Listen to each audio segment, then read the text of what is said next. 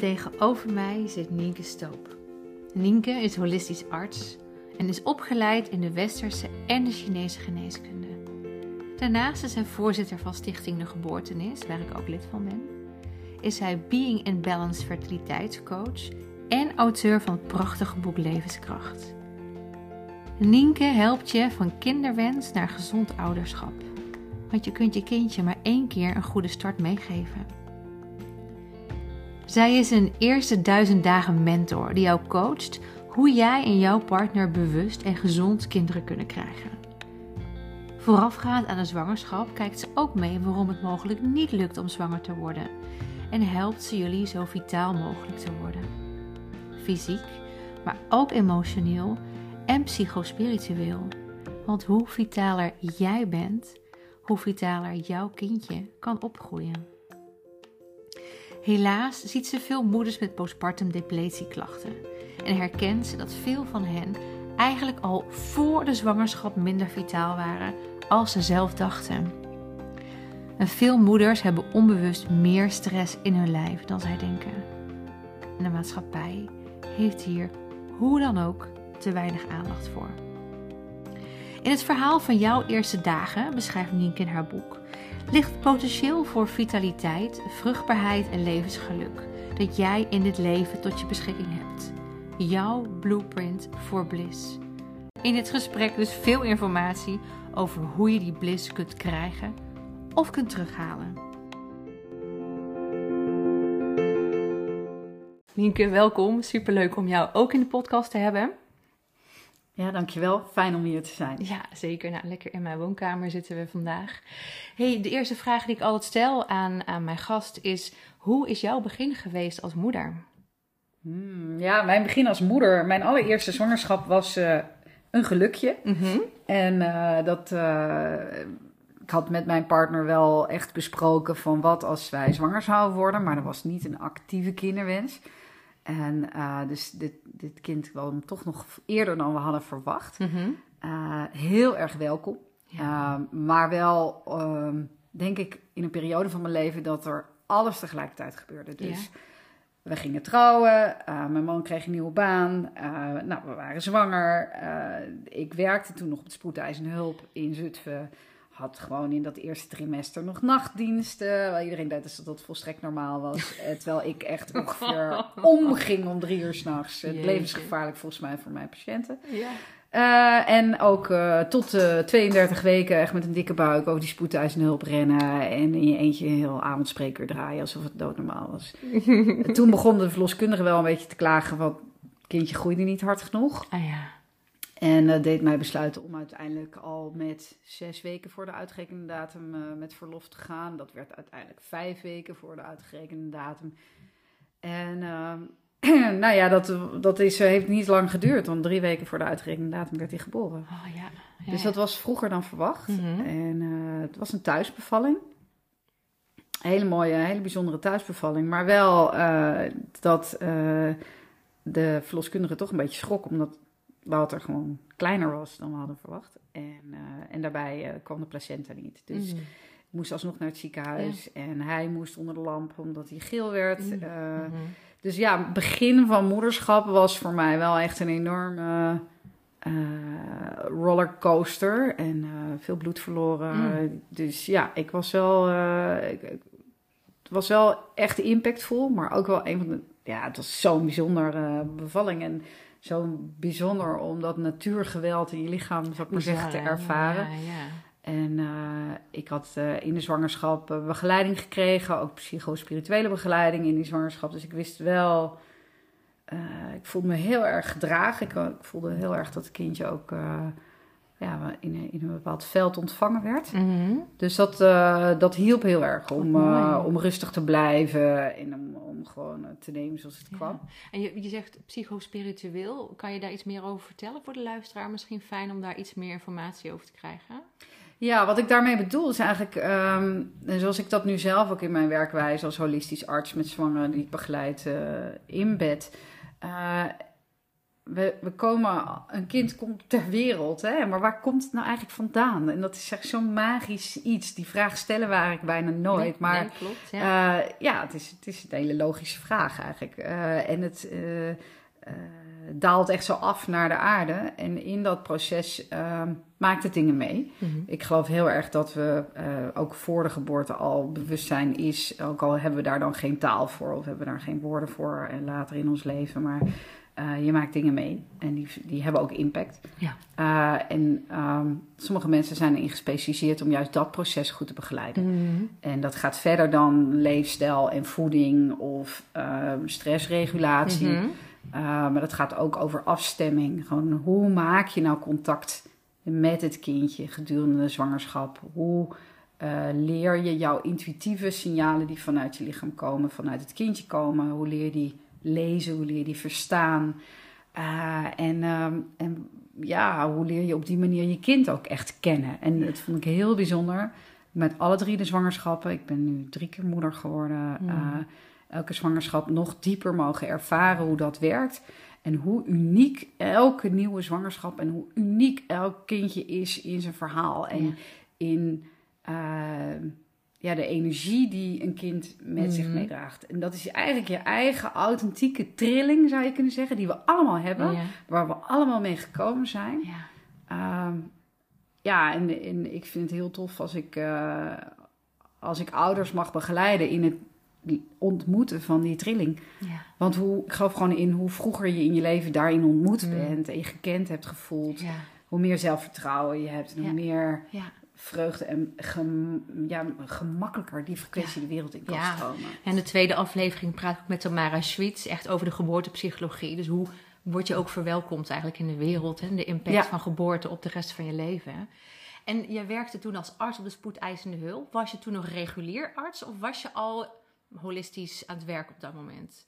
Ik was regulier arts, maar mijn collega's wisten al dat ik holistisch aan het werk was.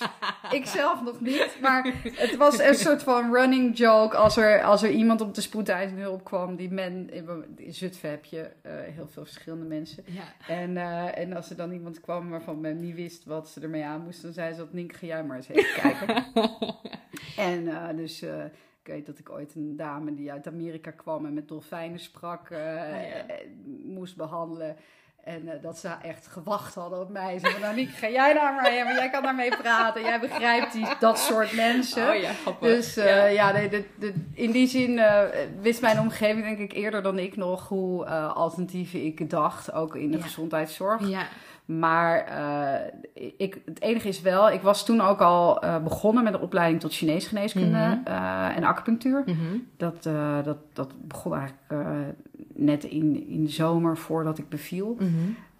en die opleiding heb ik ook afgemaakt daarna. En heel eerlijk was het ook wel echt een keerpunt, want ik realiseerde me wel doordat Wouter te vroeg werd geboren en ik eigenlijk ook helemaal uitgeput was na die bevalling. En fysiek uh, echt tijd nodig had om bij te komen, dat ik uh, veel te veel van mezelf had gevraagd Mm -hmm. en helemaal niet ook door mijn omgeving daarin gecoacht was. Dus Ah, er was in, binnen het ziekenhuis wees eigenlijk helemaal geen bewustzijn op. Mm -hmm. Hoe gaan we eigenlijk om met een zwangere op de werkvloer en hoe ondersteunen we die? En toen ik terugkwam, waar is eigenlijk de kolfruimte? En hoe moet je nou alweer kolven? En dat, dat bewustzijn over van ja, maar het is eigenlijk heel gaaf dat zij haar kind borstvoeding geeft.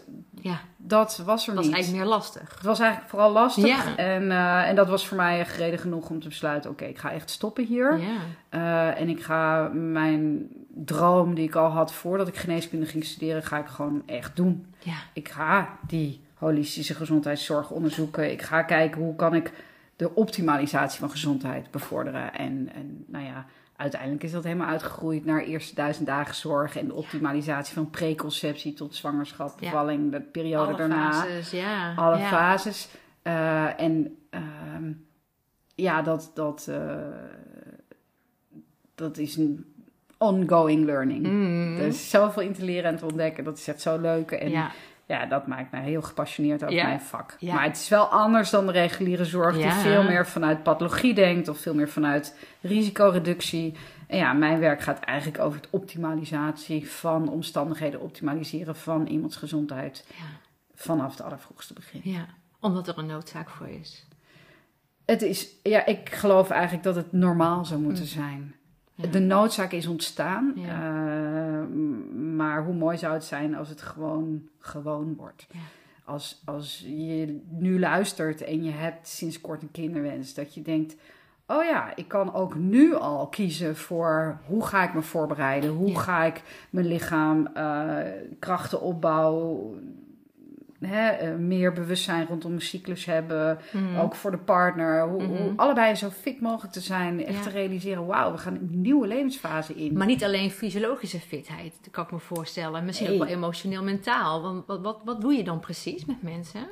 Nou ja, het gaat ook bijvoorbeeld over mentale kracht. Ja. En, en mentale kracht, dat was ik ook aan het les over aan het geven aan politieagenten. en ik geef daar nu les over aan artsen. Ja, Eh, ja, ja. maar mentale kracht eh, gaat over veerkracht. Hè? Kun je omgaan met plotselinge veranderingen? Hoe reageer je daarop? Eh, kun je een paar nachten doorhalen? Kun je eh, een, eh, eh, zonder heel veel alcohol? Ja. Want dat is en zonder amfetamines. amfetamines en drugs. Maar Ja. gewoon omdat er iemand is die echt elk uur wat van je vraagt. Mhm. Kun je ehm, leren dealen met wat er is? Kun je, ben je bereid om af en toe gewoon niet jouw agenda Mhm. te volgen, maar de agenda van het leven? Mhm. Ja, dat. Dus hoeveel rek zit er in iemands mentaal-emotionele Mhm. staat? En hoe zorg je ervoor dat je daar eh, soepeler in wordt? Echt? Ja, soepeler. Want ik, ik zat zo een beetje na te denken. Hoe kun je je dan voorbereiden? Want er komt ook zoveel onverwacht op je af. Dus hoe bereid je je dan daarop voor? Nou, precies daardoor. La, zie het als een voorbereiding. Ja. Al die dingen die onverwacht op je afkomen, Ja. zie ze als voorbereiding. Dus de ervaring, jezelf beter leren kennen, snappen hoe je functioneert, wat jouw thema's en triggers zijn, Ja, hoe je dealt met de dingen in het leven als het minder goed gaat. ja. Ja. En ook, ook eh, hele simpele technieken daarin te durven hanteren. Gewoon een paar keer diep in en uitademen. Mhm. Achteroverleunen. Zeg, oh, dat kan ook. Ja. Hoe gaan we het nu zo doen dan? Ja. Ehm, eh, ontdek waar je een controlfreak bent. Ontdek waar je eigenlijk best wel rigide bent in Mhm. het moet altijd zo. Oké, kun je daar proberen een variatie op te maken? Kun je alvast eens oefenen in eh, hoe zou het zijn als ik eh, drie keer per week op een andere manier naar mijn werk rij? Alleen al om mijn brein te trainen Ja. van goh, misschien gaat het morgen wel anders. Ja. Het, het, het zijn dingen die we, eh, die we ons niet realiseren voordat we aan het ouderschap beginnen. En waar nu dan als jonge ouders ineens ouder zijn en mee geconfronteerd worden, best wel van kunnen schrikken. Mhm. Ja, dat, eh, die veerkracht, maar veerkracht gaat ook echt over compassie. Dus heel liefdevol kunnen zijn Ja. naar jezelf, naar je partner. Eh, ja, roze geur, je bent nu zwanger, het is allemaal tof.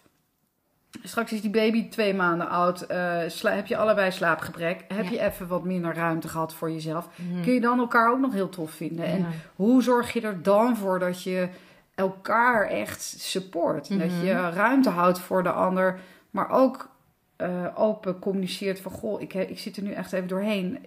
Kan ik even een uurtje een blokje om? eh, en dat je daar samen een Mhm. modus in vindt. En heb je dan een soort van functie van een coach of van een mentor? Want je, je bent arts, maar je doet meer dan dat. Want dit klinkt heel erg als echt een begeleidingstraject, zo op die eerste duizend dagen. Ja, het begint natuurlijk bij mij in de praktijk met stellen met een kinderwens. Ja. Eh, nou ja, dan komen heel veel relatiethema's ook aan bod. Eh, in de zwangerschap zie ik vaak vooral de zwangeren. Mhm. Eh, soms komen vaders mee. Ehm, ik zie in de periode na de zwangerschap eh, vaak ook de moeders. Hè, en Mhm. natuurlijk ook waar we het in de podcast over hebben, depletie. en Ja. Hoe herstel je? Ja. Ehm, maar ik geef vooral dit soort tips mee. En dat nemen ze mee in hun relatie. Eh, en eh, ja, in het kader van ons gesprek zijn het allemaal voorbeelden van wat ik zie gebeuren. Eigenlijk Ja. vooral. Mijn rol persoonlijk zie ik vooral in het versterken van iemands vitaliteit. ja. Eh, tips eh, over gezondheid en leefstijl, maar ook dus psycho-spiritueel, psycho-emotioneel. Ja, van ja. wat heb je nodig om dicht bij je eigen gevoel te kunnen blijven en te kunnen Ja. voelen: dit is wat ik voel, dit is wat ik nodig heb. Eh, zo kan ik er op een manier om vragen dat een ander zich ook geïnspireerd voelt om daar iets in te Ja. betekenen. ja, mooi. Communicatie. Ja. En ehm, verbinding. Mhm. Echte verbinding met je kindje. Ja. Dus dat het kindje zich warm, welkom voelt zoals hij is. Dus kindjes hebben intens behoefte aan verbinding. Ja. Maar ook intens behoefte aan authenticiteit. Van, mag ik echt helemaal mezelf zijn? Ja. Ja. Ja, en hoe supporten we dat? Hoe Ja. houden we daar ruimte voor? En alles wat we zelf hebben meegemaakt in onze eigen eerste duizend dagen, ja, dat speelt dan daarin natuurlijk ook eh, een rol. ja, dus daar spreek je ook met mensen over hoe iemands eigen geboorte is geweest, iemands eigen conceptie misschien ooit geweest is. Ja, daar vraag ik sowieso Ja. naar. Ik heb er ook een boek over geschreven. Dus Ja, Levenskracht, Levenskracht, eh, jouw eerste duizend dagen in een nieuw licht. En dat is een boek voor iedereen die ooit is geboren. Dus iedereen met, eh, ja, zelfs al heb je geen kindwens of heb je geen kinderen, is het een waardevol boek om te lezen. Omdat het je helpt om ehm, je eigen patronen te gaan ontrafelen.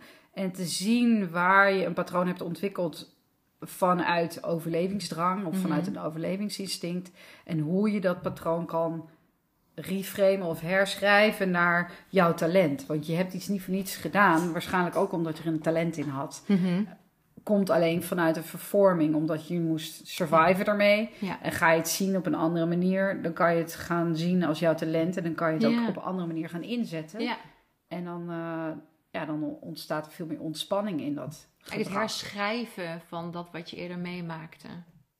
Ja, dat, dat krijgt een Ja. nieuwe betekenis. Ja. Ik denk trauma of eh, transformatie eigenlijk van Mhm. trauma gaat heel erg ook over het vinden van welke betekenis heeft dit voor mij gehad in mijn leven? Mhm. Welke betekenis geef ik aan deze ervaring en hoe ehm, ja, geef ik er daarmee ook een nieuwe invulling aan? Zodat de, de pijn die er natuurlijk ook bij verbonden kan zijn, eh, kan verzachten. En, en eigenlijk een voedingsbodem wordt voor meer compassie voor Ja. jezelf, meer compassie voor de ander, eh, wijsheid. Mhm. Ja, op die manier. Mooi, heel mooi. Yes. Daar word ik heel blij van. Ja. ja, het sluit natuurlijk ook heel erg mooi aan bij wat ik doe. En ik werk natuurlijk overwegend hè, met moeders met postpartum depletie. Dus dat, dat zijn de moeders die uitgeput zijn geraakt. En die vaak ook oorspronkelijk geen weet hadden van wat er eigenlijk allemaal mogelijk is voorafgaand aan. Heel vaak hoor ik, ja, al die andere vrouwen kunnen dit ook. Het gebeurt al weet ik voor hoeveel jaar. Ik kan het ook wel. Ik laat de natuur gewoon op zijn beloop. En dan gaat het toch mis. Dat klinkt zo onaardig, maar ze raken uitgeput. Want er is te veel wat niet, wat niet goed gaat. Herken je dat ook? Zie je ook veel moeders die uitgeput raken? Ja, ik zeg altijd heel veel zwangeren en ook zeker bij kinderwens en langdurige kinderwens is er al uitputting. Mhm. Eh, al was het alleen al emotioneel door hoe intensief en hoe emotioneel zo'n proces is. Ja. Ehm, eh, dus dat is ook onderdeel van mijn eh, de programma's die ik aanbied. Het gaat gewoon echt over vitaliteit. Je eigen vitaliteit versterken. En dan komt de vruchtbaarheid. Ja. In de zwangerschap ook. En ik zie ook echt onze maatschappij is overvoerd. Overvoerd met junkfood, met eh, eh, te veel informatie, te veel prikkels, te veel drukte, enzovoort, enzovoort. En ondervoed. Mhm. Dus eigenlijk te weinig voeding Mhm. Die echt energie geeft. Ja. Voedingspatronen die echt supportive zijn voor de gezondheid en vitaliteit. ja, die voedend zijn. Die voedend zijn. en niet maar ook, vullend. ja, en ook voeding voor de ziel. Dus Ja, is echt ja. stilte of echt ruimte voor jou of echt emotionele voeding. Mhm. Dus dat gebeurt al tijdens de zwangerschap. En daar is ook een tekort op micronutriëntenniveau. Dus Ja, heel ja. veel vrouwen hebben echt een gebrek aan micronutriënten. Dat zijn dus vitamines, mineralen. Nou, dan gaan ze een supplement slikken via de, de verloskundige. Nou, de meeste huismerk eh, van Nederland die dit krijgen is... Nee. kun je best even beter laten staan. Ja, het is- ja, ook de, de het samples die je krijgt in je kitje. Ja, leg, je laat, lekker liggen. Eh, ga echt op zoek naar hoogwaardige natuurlijke vitamines en, en, en mineralen. Want daar zit het grote verschil. Ja, En je bent een baby aan het bouwen. Dus het is niet alleen voor jezelf, het is ook echt voor die baby. ja. Eh, en ehm, ja, ook dus na de bevalling het, het herstel. Mhm. Eh, vrouwen worstelen met wat moet ik dan eten? Mhm. Het is te snel, te licht verteerbaar. eh, of, of ja, licht verteerbaar, maar hè, witmeel, Mhm, eh, boterhammetjes en beschuitjes met, met muisjes. Mhm. Maar waar is de kippensoep van oma? Waar is de goede bone broth? Of Ja. als je vegetarisch bent, dan in ieder geval echt iets lang gekookte groentesoepen. Ja. Verwarmende voeding, Ja. eh, herstelvoeding. Ja, ja. En bewustzijn daarop ook. Hoeveel energie het kost om goed voor jezelf te koken. Als je dus al uitgeput bent, ga je dat niet doen. Nee, dat lukt niet. Hè, dus Nee. meals on wheels noem ik dat. Gewoon eh, maaltijden die je van je vriendinnen of je buurman of van wie dan ook krijgt aangereikt in de eerste zes weken. Dat mag ook veel meer aandacht voorkomen. Ja, en ik vind dat altijd een interessante, want ehm, ik weet nog wel van mijn eh, kraamtijd, ik had ook graag brakjes willen krijgen van anderen. Echter heb ik nee gezegd daartegen, want de mensen in mijn directe omgeving kopen, koken graag met pakjes en zakjes. Ja. dus ik heb toen gekozen voor, eh, nou ja, dan eet ik mijn vriezer leeg. Ik was redelijk goed voorbereid, dus dat scheelde wel. Eh, maar op een gegeven moment was het natuurlijk op. En nou, toen wilde ik nog steeds geen pakjes en zakjes. Dus wat Ja. is jouw advies dan eh, aan moeders die wel graag geholpen willen worden, maar eigenlijk ook nog graag daar een bepaald nou ja, ijzerpakketje aan willen geven aan de buurman en de schoonvader, Ja. eh, schoonmoeder, om dat, eh, dat te bereiden? Ja. Nou ja, we zijn natuurlijk allebei aangesloten bij Stichting de Geboortenis. Ja. Mijn droom is dat uiteindelijk Stichting de Geboortenis een eh, geboorte thuis heeft waar je kan bevallen, maar waar ook een Meals on Wheels service bij hoort. Dat je Ja. gewoon de Meals on Wheels krijgt. Ja.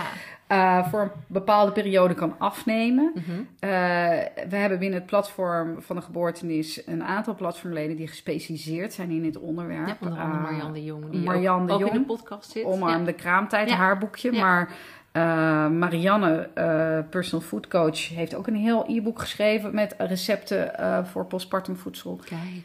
En ehm, ja, die, eh, nou, die kunnen mensen vinden op de site van de geboortenis. Mhm. Ehm, en ik denk ook dat we. ehm, het zou heel mooi zijn als. eh, en misschien bestaat het ook al hoor. En anders dan gaat er iemand die naar dit verhaal luistert dat acuut maken. Denk ik. En anders moeten wij hem maken. Maar Precies. een soort receptenboek van eh, de top 10 eh, topmaaltijden. Ja. E-book dat je kan downloaden en dat Ja. jouw buurman kan downloaden. En weet je, want dat is het ook. Je bent als vermoeide eh, kerstverse moeder en Mhm. vader vaak niet in de gelegenheid om de vraag te stellen. En dan is het te ingewikkeld als je ook nog eens ter plekke het recept moet opschrijven. Ja. Maar het is al moeilijk je, genoeg om om hulp te vragen. Daar Ja. worstelen al heel veel moeders mee. nou, ja. en, en hoe tof zou het zijn dat je gewoon een linkje kan doorsturen op de WhatsApp-groep van nou, dit is het receptenboek, kies er iets uit. En eh super fijn, dankjewel.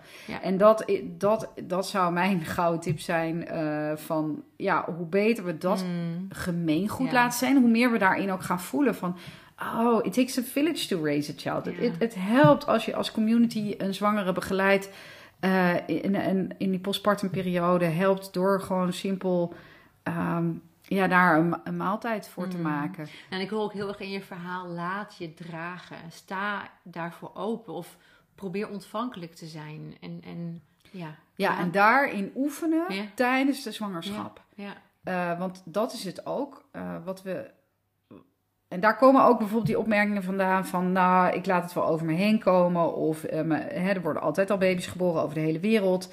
Ehm, eh, een geboorte, en zeker voor de eerste keer, is een life-changing event. Absoluut. En daar, je kunt van tevoren geen voorstelling van maken hoeveel impact dat heeft. Ja. Ehm, maar je kunt wel, eh, doordat je dit nu hoort en doordat je het misschien eerder gehoord hebt, realiseren: oh wacht, er gaat dus schijnbaar iets heel groots gebeuren in mijn leven. Dat een impact gaat hebben die ik nu nog niet kan voorzien. Ja. Eh, hoe zou het zijn als ik daar proactief mee Ja. omga? Ja. Alleen om daar proactief mee om te kunnen gaan, heb je een bepaalde mate van innerlijke veiligheid nodig. Mm. Je moet je voldoende veilig kunnen voelen om naar buiten te kunnen treden, om die vraag te kunnen stellen of om zelf die research te doen. Ja. En ik denk dat heel veel zwangeren in Nederland onbewust veel gestrester zijn dan dat ze doorhebben. Ja. Onder best wel hoge druk staan, heel loyaal zijn aan hun werkgever, Mhm. het heel graag heel erg goed willen doen. Mhm. Ehm, nou ja, eh, we zijn als vrouwen sowieso geneigd tot overachieving Ja. en overdelivering. Ja. Dus dan komt dit als laatste. En eh, tegen de tijd dat je al wat uitgeputter raakt, zegt jouw lichaam: Ik voel me niet zo veilig. Mhm. Dat wil helemaal niet zeggen dat jij bewust, als iemand zou vragen: Voel je je veilig? Zou je gewoon dodelijk zeggen: Ja hoor, ik voel me veilig. Ja. Maar je lichaam voelt zich al niet Ja. meer veilig, waardoor jouw geest ook veel minder makkelijk kan vragen, of überhaupt op het idee komt Mhm. Om te denken: oh god, laat ik eens Janneke's website bekijken. Of laat Ja. ik die recepten downloaden. Of laat ik een supportgroep starten op de WhatsApp van goh, mijn dierbaarste vriendinnen of vrienden of buren. Jongens, het is nog zes weken naar de bevalling. Ik heb er super veel zin in. Zou je alsjeblieft Mhm. hè, in mijn supportgroep willen zitten? En mag ik dan hier dit of dit delen? Ja, en, en de, de, de moeders die nu luisteren, ik kan me voorstellen dat zij zich afvragen: ja, maar hoe weet ik dat? Hoe voel ik dat? Hoe, hoe, wat, wat zou je moeders willen meegeven als, als informatie van: oké, stel nou dat je misschien meer stress hebt dan je aanvankelijk dacht, dat je misschien minder veilig bent in je lijf. Wat voor signalen krijg je van je lichaam bijvoorbeeld? Nou, er kunnen hele duidelijke fysieke signalen zijn, zoals vermoeidheid, misselijkheid die ineens weer terugkomt. Mhm. Ehm, zuurbranden, dat ineens enorm op gaat spelen. Mhm. Eh, rusteloze benen. Mhm. Eh, slapeloosheid. Mhm. Ineens midden in de nacht wakker liggen. Ik weet dat dat bij mij bijvoorbeeld het Ja. signaal was. eh, en, en ik blijk ook wel in mijn fysiologie een patroon te hebben zitten... dat als de stress hoog wordt, dan word ik wakker s'nachts. Dat Ja. is nog steeds zo, Ja. nu ik niet meer zwanger ben. Herkenbaar. Eh, en dan, eh, dan moet ik eigenlijk gewoon heel kort, heel klein iets eten en dan gaat het allemaal weer goed. Maar Ah, dat ja. wist ik allemaal niet. Dus ik lag gewoon kraakhelder wakker en ik kwam bij de verloskundige en ik vertelde dat. En die zei doodleuk, ja, een eh, zwangere zebra op de prairie is ook heel alert. toen dacht ik, ja, Oh, en wat doe ik hier dan nu mee? En toen kwam ik uiteindelijk via een mesoloog, kwam ik, eh, die mij helemaal ging doormeten. En die doodleuk zei, ja, maar jou, jouw lever kan gewoon heel moeilijk suiker maken s'nachts. Ja. Als jouw bloedsuikerspiegel te laag wordt. En dat hoort het te kunnen, maar om de een of andere reden doet het bij jou dat Mm. niet onder hoge stress. En als je nou gewoon dit supplement gaat slikken en dit doet als je weer wakker wordt, dan Mhm. gaat het helemaal goed komen. Ja. En daarna elke zwangerschap opnieuw nog twee keer precies op de klok nauwkeurig bij 20 weken begon dit feestje. En wist ik bij nummer 2 en 3 precies wat ik moest doen. En Ja. daar heb ik er helemaal niet zoveel last van gehad. Ja. Uh, maar ja, ik ben natuurlijk een vakidioot, dus ik ging Ja. op zoek. Ja. Eh, eh, Als je niet arts bent of dit helemaal Hmm. niet je vakgebied is, weet jij veel. Je Ja, komt bij de naar verloskundige. vakidioten. Eh, Ja, maar je, ja, maar je gaat naar je verloskundige en die zegt, Ja, die het hoort erbij. Eh. Nee, als, dat antwoord van als je dat krijgt, ja, dat hoort er nou eenmaal bij. Dat is niet waar. Alsjeblieft, dat is een red flag. Bel Nienke. Bel Janneke. Nee, maar eh, het, is echt een rode vlag. Want Ja. het is een zwaktebod. Het Ja. betekent dat degene die dat zegt op dat moment niet weet wat het antwoord is. Alleen Ja. niet geleerd heeft om dat gewoon te zeggen. Ja. En ehm, eh, ik bedoel, ik krijg te veel vrouwen met hele heftige menstruatiestoornissen. die gewoon dodelijk zeggen: Ja, daar heb ik 15 jaar lang last van gehad. Ja, want dat hoort erbij. Mhm.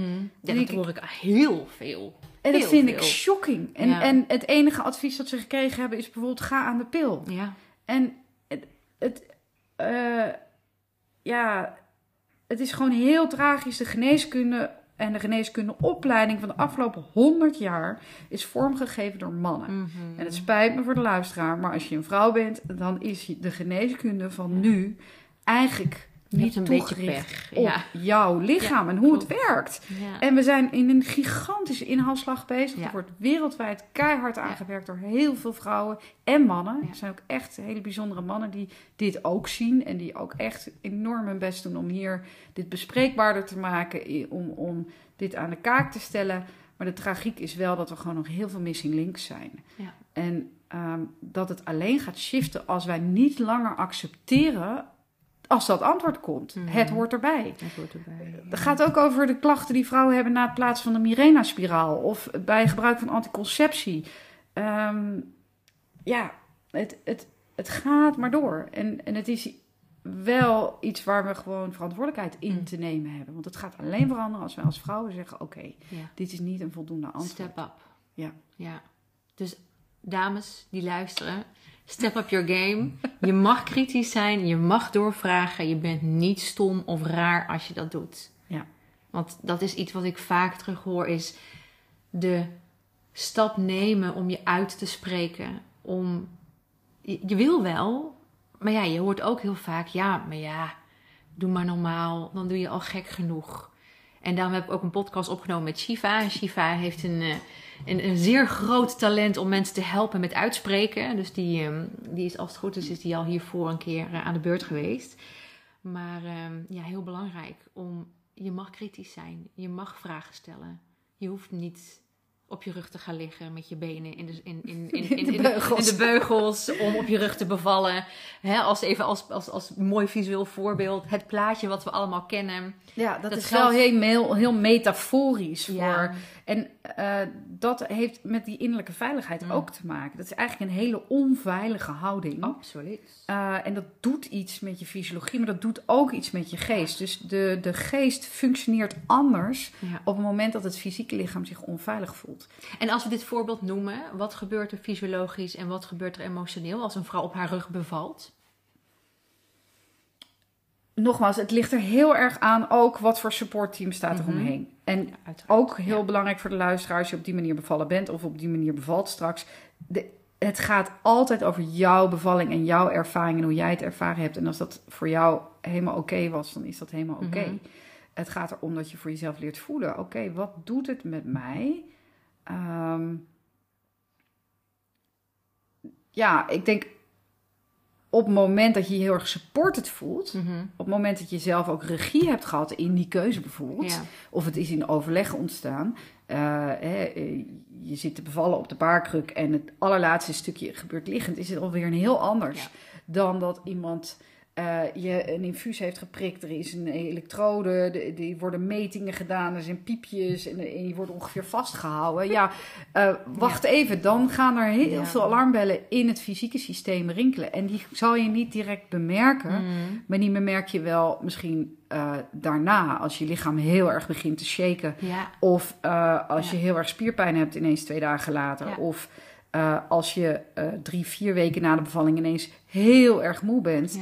En eigenlijk je systeem, je lichaam aangeeft... ik heb een overweldigende situatie meegemaakt... Die, waar ik geen regie heb ervaren. Ja. En ehm, het gaat ook om de nazorg daarin. ja, want het vraagt om een stukje heling ook. Om het aan te kijken, te zien en te doorvoelen, lijkt mij. Ja, en de erkenning te krijgen Hmm. voordat iets overweldigend is geweest. En eh, een, een bevalling is sowieso heel overweldigend, tussen aanstekens. Hè? Maar het maakt wel uit of je het gevoel had in dat moment dat jij in het, het oog van de storm stond en het roer hield. Of dat je totaal eh ontredderd ergens achter de boot hing. Ja, overweldigd was. En geraakt. eh, ehm, dat, eh, dat stukje mogen we als zorgprofessionals, en daar besteden we natuurlijk met de geboortenis ook Ja. heel veel aandacht Ja. aan, ook, ook met de symposia en de bijscholingen die we organiseren. Mhm.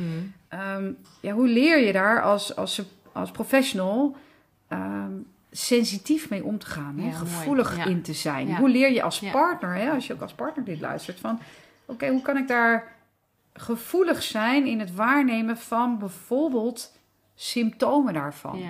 Slecht slapen, eh, slechte zelfzorg. eh, als je al drie dagen eigenlijk niet gedoucht hebt en nog steeds in je, in je joggingbroek rondloopt. No offense, I've been there. Ja. Weet je? Absoluut. en het is een signaal. Ja. Oh, wacht even. Er is dus schijnbaar zo weinig energie in mijn laadje... dat Ja. alleen al het, het idee om... Oh god, dan ga ik mezelf zo uitkleden. Dan moet er een badmatje zijn. En dan gaat die douchedeur open. Dan moet ik er onder die straal gaan staan. Dan heb ik eigenlijk wel een handdoek. En, eh, oh, en wat voor kleren ga ik dan aantrekken? En, oh god, en dan moet ik ook mijn Mm. tanden nog poetsen. Nou, het- wat dat allemaal voor je brein aan informatie is... om te verwerken, om tot een coherent geheel te smeden... om het ook daadwerkelijk uit te voeren. Mhm. Op het moment dat je overweldigd of vermoeid, bent, of vermoeid bent... zegt je systeem, weet je wat? We skippen dat. We Ja, beginnen er überhaupt niet aan. Nienke, dit hoort er gewoon allemaal bij in de kraamtijd, wat je nu allemaal noemt. Dit is toch heel normaal dat dit gebeurt? Dit is volstrekt normaal. Ja. En, en het is eigenlijk, ik zeg ook altijd, altijd tegen vrouwen: alsjeblieft, doe jezelf het niet aan om de eerste zes weken überhaupt een supermarkt in te lopen. Ja, Echt, gun jezelf de Ja. bliss of even dat niet Ja. hoeven. Exact. En het is ook belangrijk om te erkennen, als het na drie, vier weken nog steeds zo is, Mhm. ehm, dat je extra support mag Ja. krijgen. Nou ja, want het, het is natuurlijk normaal, ik zei het een beetje cynisch, omdat je hiervoor ook duidelijk aangaf van het zijn ook signalen dat, dat, dat je even aan de bel mag trekken. Of dat je even extra om hulp mag vragen. Of je partner mag dat ook zien. Dus ja, het is normaal dat douchen niet lukt en dat je brain volledig overweldigd is en je niet meer weet wat voor en achter is. Maar als het te lang duurt, dan Ja. is dat. En dat, en dat te lang duren, dat is niet een paar maanden, dat is een paar weken. Ja, Dat is denk ik ook belangrijk om even te Ja. noemen. Ja. ja. En, en uiteindelijk er naartoe bewegen dat het wel lukt. Ja. Eh, en, en zelfs al is dat de enige activiteit van die dag. Ehm, om, om, het heeft ook te maken met zelfzorg en Mhm. zelfliefde. Ja. Eh, en het, je bent het waard dat jij je daarin goed mag Ja. voelen. Ja. En je, bent, je mag trots zijn op je lichaam, eh, dat, wat het gepresteerd heeft. Oh. En dat mag gevierd worden. Mhm. De, de, de, als, soort- alsof er een soort eis vanuit onze maatschappij is dat we allemaal binnen drie weken weer in onze oude spijkerbroek moeten kunnen passen of zo. En dan denk ik, nee, je lichaam is voor, voor eeuwig veranderd. En daarmee bedoel ik niet never back in shape. Nee, absoluut. Maar het heeft wel echt een levensveranderende transformatie Absoluut, doorgemaakt. ja. Je brein is totaal herschreven. Ja. Heeft een hele nieuwe pathways zijn Nou ja, aangelegd adolescentie, hè, een term die ook nog relatief onbekend is. Die hele hormoonontploffing die in je zit. Dat doet iets in je hersenen Ja. dat daarna nooit meer... En, en niet negatief bedoeld, want dan, zo wordt het dan vaak gebracht. Van ja, nee, oh ja, je bent moeder geworden, dus je hebt... Ik heb zelfs ooit gehoord, je bent 6% minder intelligent nadat je moeder bent geworden. Je, je brein is zodanig belast geweest. Was een uitspraak van een man of een vrouw? Nee, nee, van een vrouw. ik weet niet waar zij het vandaan had. Maar dat ik echt, Wauw. oh, dat heb ik, zei ik, ja, en als je drie kinderen hebt, dan, oh ja. Nou, ja ik, misschien telt het dan wel op. In mijn geval is dat wel zo, zei ze toen. ja, en toch is dat, vind ik dan eh, ook een teken van uitputting. Oh ja. Want eigenlijk ben je intelligenter geworden. Want er, is, er zijn allemaal pathways opengegaan in je brein. Die gaan Ja. over intuïtie. Die Ja. gaan over Ja. eh, afgestemd zijn. Eh, die gaan over eh, het, het kunnen lezen van onzichtbare signalen die voor een ander onzichtbaar zijn. Maar elke moeder kan zeggen: Ja, maar als mijn kindje X, Y, Z doet, dan weet ik dat dit of dit of dit aan de hand is. En elke, er zullen mensen, duizend mensen omheen zitten en die zeggen: Hoe, hoe weet je dat? En dat komt omdat haar brein intelligenter is geworden, niet omdat het dommer is Mooi, geworden. vind ik leuk om te horen. ja, dat is fijn. Ja, is toch een, toch een geruststelling dit. nee, maar ik denk dat het zeker ook klopt, mits we leren luisteren naar die intuïtie. Want als ik naar mezelf kijk en mijn eigen depletieervaring, ik was mijn intuïtie finaal kwijt. Kijk, al die signalen die jij nu noemt, wist ik veel. Het hoorde erbij. Ja, Dat, kijk, ik heb natuurlijk het, het, het, het, nou ja, het nadeel, ik weet niet of ik het zo moet noemen, maar een man met niet aangeboren hersenletsel die niet kon bijspringen in de nachten. Een huilbaby, forse huilbaby. Dus ik sliep gewoon niet. Hmm. Dus op zich, dat ik niet psychotisch geworden ben, is eigenlijk al best wel knap. zeg ik even heel flauw zo. Maar ik, ik wist het niet. En niemand vertelde mij ook wat er aan de hand was. Het was een fase. ja. Ja, En dat vind ik schrijnend, want en dat is natuurlijk de verhaal die de moeders mij ook vertellen met wie ik in gesprek ben. Die horen dat ook. Het is een fase. En ik denk, fase? Bullshit. Ja, nee, ik had laatst nog een vrouw, een cliënt in mijn praktijk, die echt een hele pittige zwangerschap heeft gehad. eh, bevalling ook.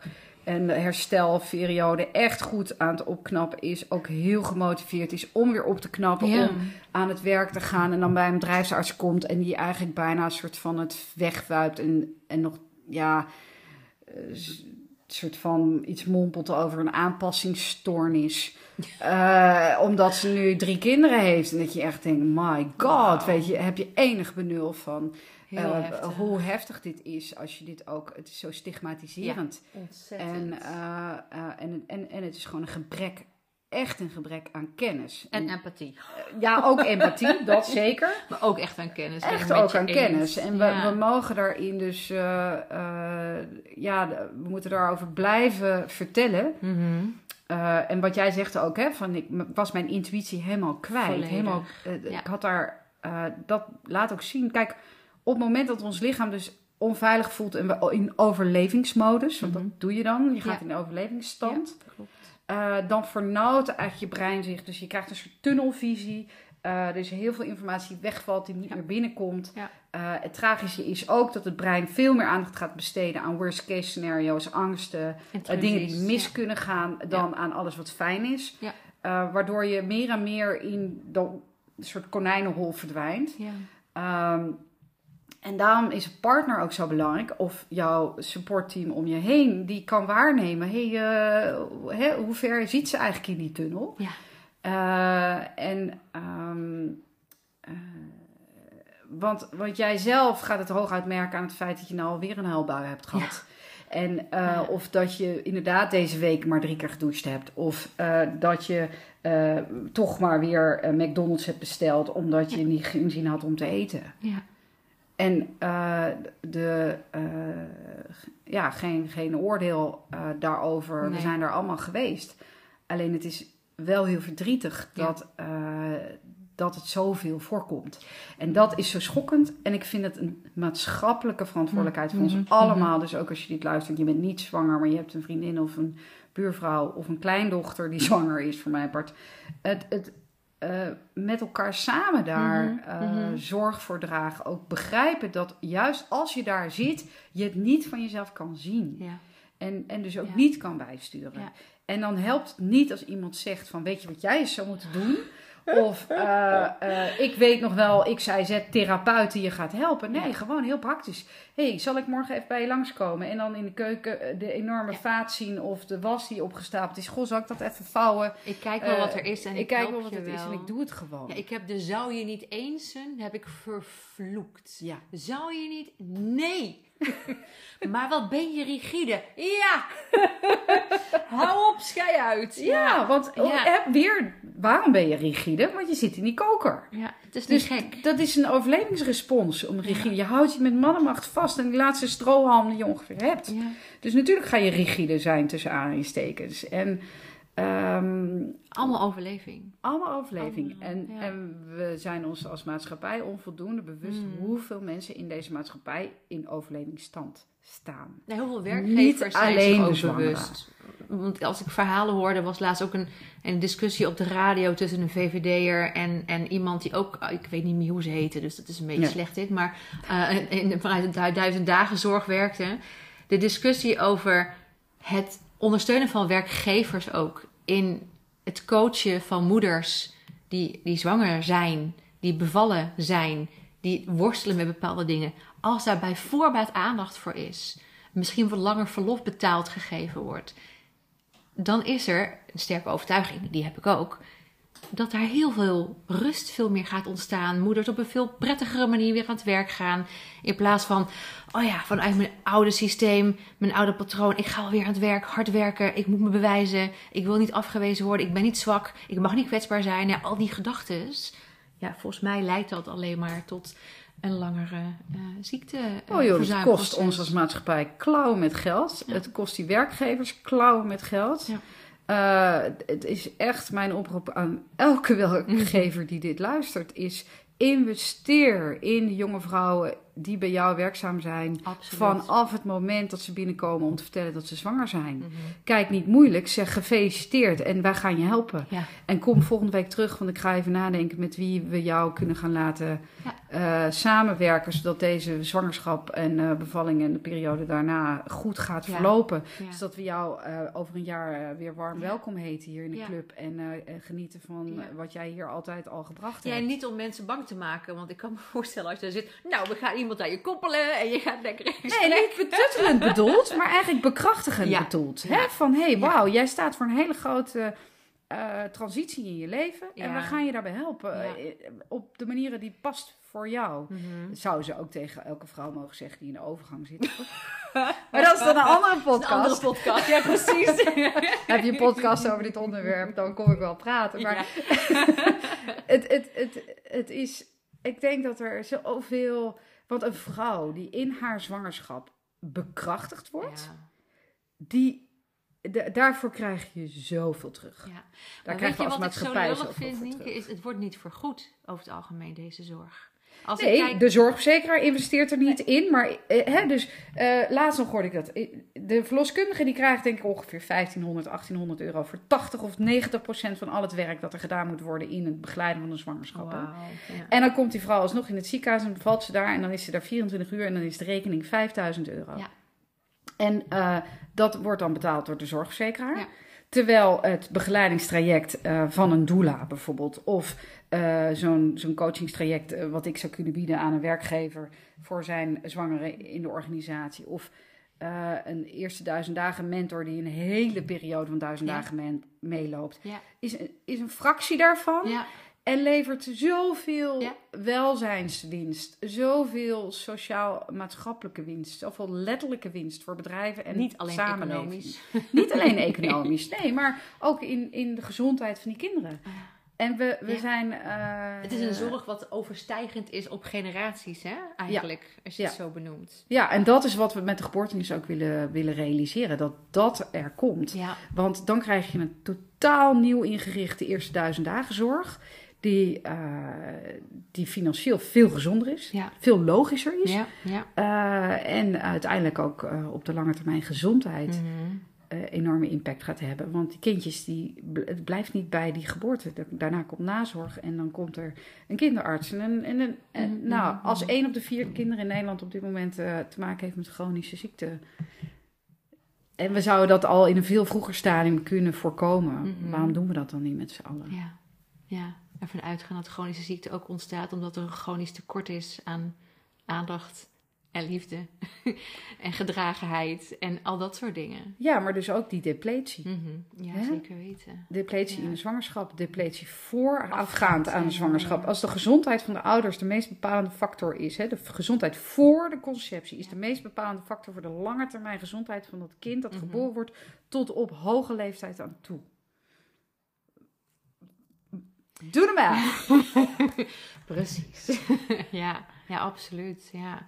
Nou ja, en, en dan moet, dat, dan dat horen we ook wel zoals ik jou praten, maar op veel lagen moet er iets veranderen. Maar het enige dat wij natuurlijk zelf kunnen doen, is, is in ons eigen systeem hierover praten. En het niet wegstoppen onder een matje, het spannend vinden om het erover te hebben. Want het mag er zijn.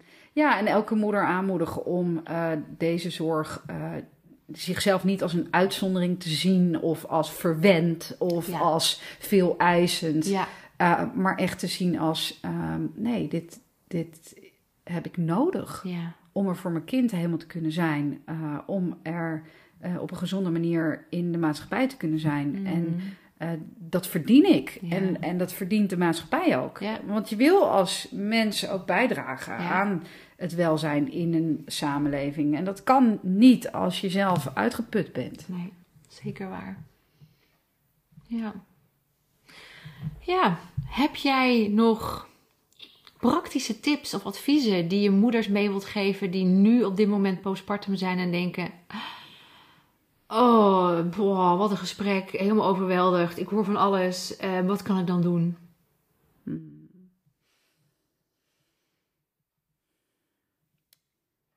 Blijven ademhalen. Mhm. Doe ik ook altijd. Zeker snel zo'n ingewikkeld Ga even zitten en haal Ga even even adem. zitten, Ja. mijn kopje thee. Ehm, wat is, wie is jouw support system? Mhm.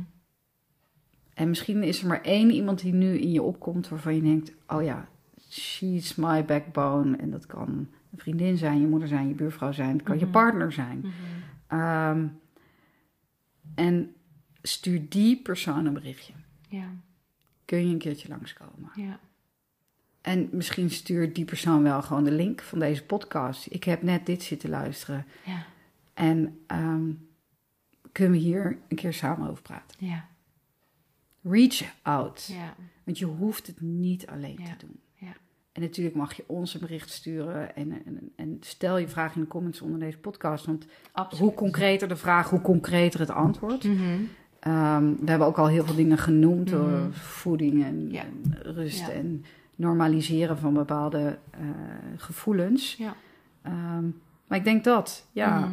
Probeer eh, uit te reiken naar iemand eh, die dicht bij je staat en te delen. Ehm, en kijk jezelf elke ochtend even in de spiegel. Kijk op jouw beeldscherm van je computer en er staat op jij bent mooi. Ja. En dat vind ik zo tof, want dat is, en dat is een, eh, een, een, hele simpele reframe in je brein. Ja. Geef jezelf 's ochtends een high five in de spiegel. Ja, En dat-. Ja. Dat geeft een dopamine rush in je brein. Is ook vergelijkbaar met affirmaties? Dat je jezelf een affirmatie dagelijks misschien zou kunnen vertellen? Ik ben goed zoals ik ben, of ik zorg gemakkelijk voor mezelf. Ja, alleen een affirmatie is vrij rationeel. Ja. En op het moment dat je het emotioneel niet voelt, landt het niet. Terwijl als jij jezelf in die spiegel aankijkt en, en, en gewoon even zo je hand tegen die spiegel legt, dan geef je jezelf een high five. En dat doet iets in je brein. ja.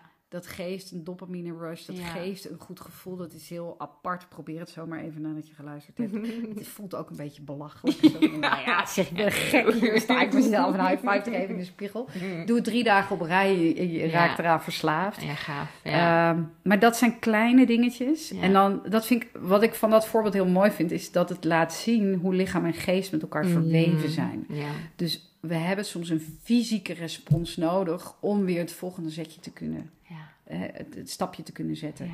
En zo'n klein. eh, kijk, van, van, van social media scrollen op je telefoon kan je ook een dopamine rush krijgen, maar die werkt eigenlijk tegengesteld.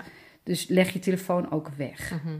Echt, jonge moeders, alsjeblieft. Zeker als je aan het voeden bent. Zeker Ga als je met je uur baby s'nachts op je bent. telefoon hangen. Ga niet op je telefoon. Gooi dat ding in een kluis. Ehm, Ja. Het kost veel te veel energie. En het levert je baby eh, eigenlijk een gevoel van vervreemding op.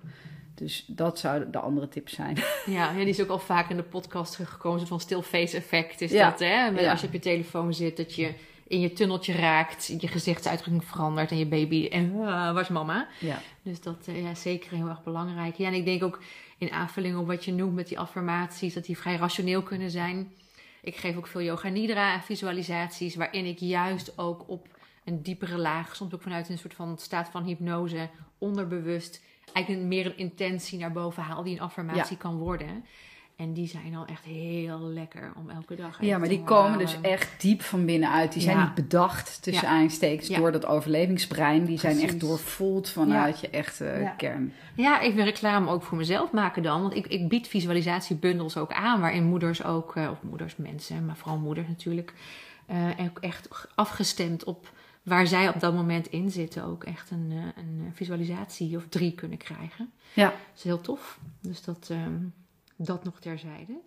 Ehm, ja, volgens mij hebben we wel het een en ander al. Zo, ja, we kunnen uren doorpraten. Dat, dat doen we ook geregeld. Dat is heel erg fijn. Ehm, maar heb jij nog wat laatste woorden? Of eh, hebben we die al gezegd? Ja, ik wil gewoon elke luisteraar heel erg bedanken voor het Ja. luisteren. Dankjewel dat je je tijd eh, gespendeerd hebt aan ons. Dat Ja. vinden we niet vanzelfsprekend en dat waarderen we enorm. Ja. Eh, heb je een vraag of eh, wil je meer weten? Kijk in de show notes of laat een comment achter. Like de podcast, deel de podcast. eh, de hele shebang. Zit- zit allemaal ook in de outro, hoor. Oh, dat krijg je dan zo nog een keer te horen. Ja, maar niet horen. iedereen blijft het outro Nee, dat is waar. Ja. En ehm, nou, we horen je en zien je heel graag. Ja, en rijk naar ons, naar een van ons uit. En als je voelt, mijn vraag die past beter bij Nienke, beter bij Janneke. Laat het vooral ook aan ons allebei weten. En ik denk zeker ook met je mee als, er, als je vragen hebt. Dankjewel voor het luisteren. En jij bedankt Nienke. Heel graag gedaan. Jij ook bedankt.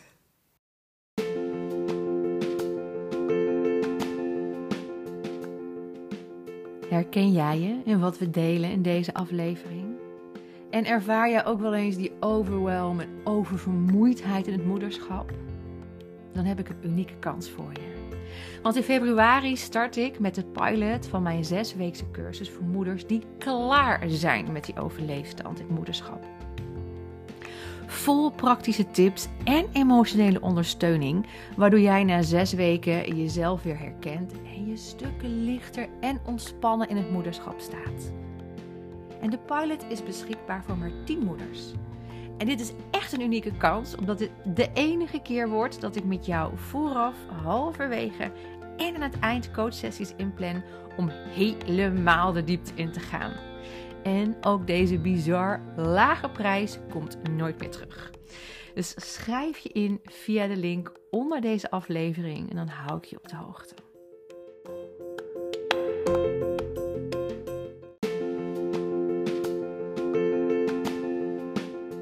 Bedankt dat je luisterde naar mijn podcast. Ik hoop dat jij uit dit gesprek iets kan halen dat voor jou mooi of een nieuw inzicht geeft. Ik ben zelf echt aangenaam verrast hoe leuk ik het vind om dit te doen. En als jij het ook leuk vond, dan help je me heel erg door de podcast te scoren met bijvoorbeeld 5 sterren in jouw podcast-app.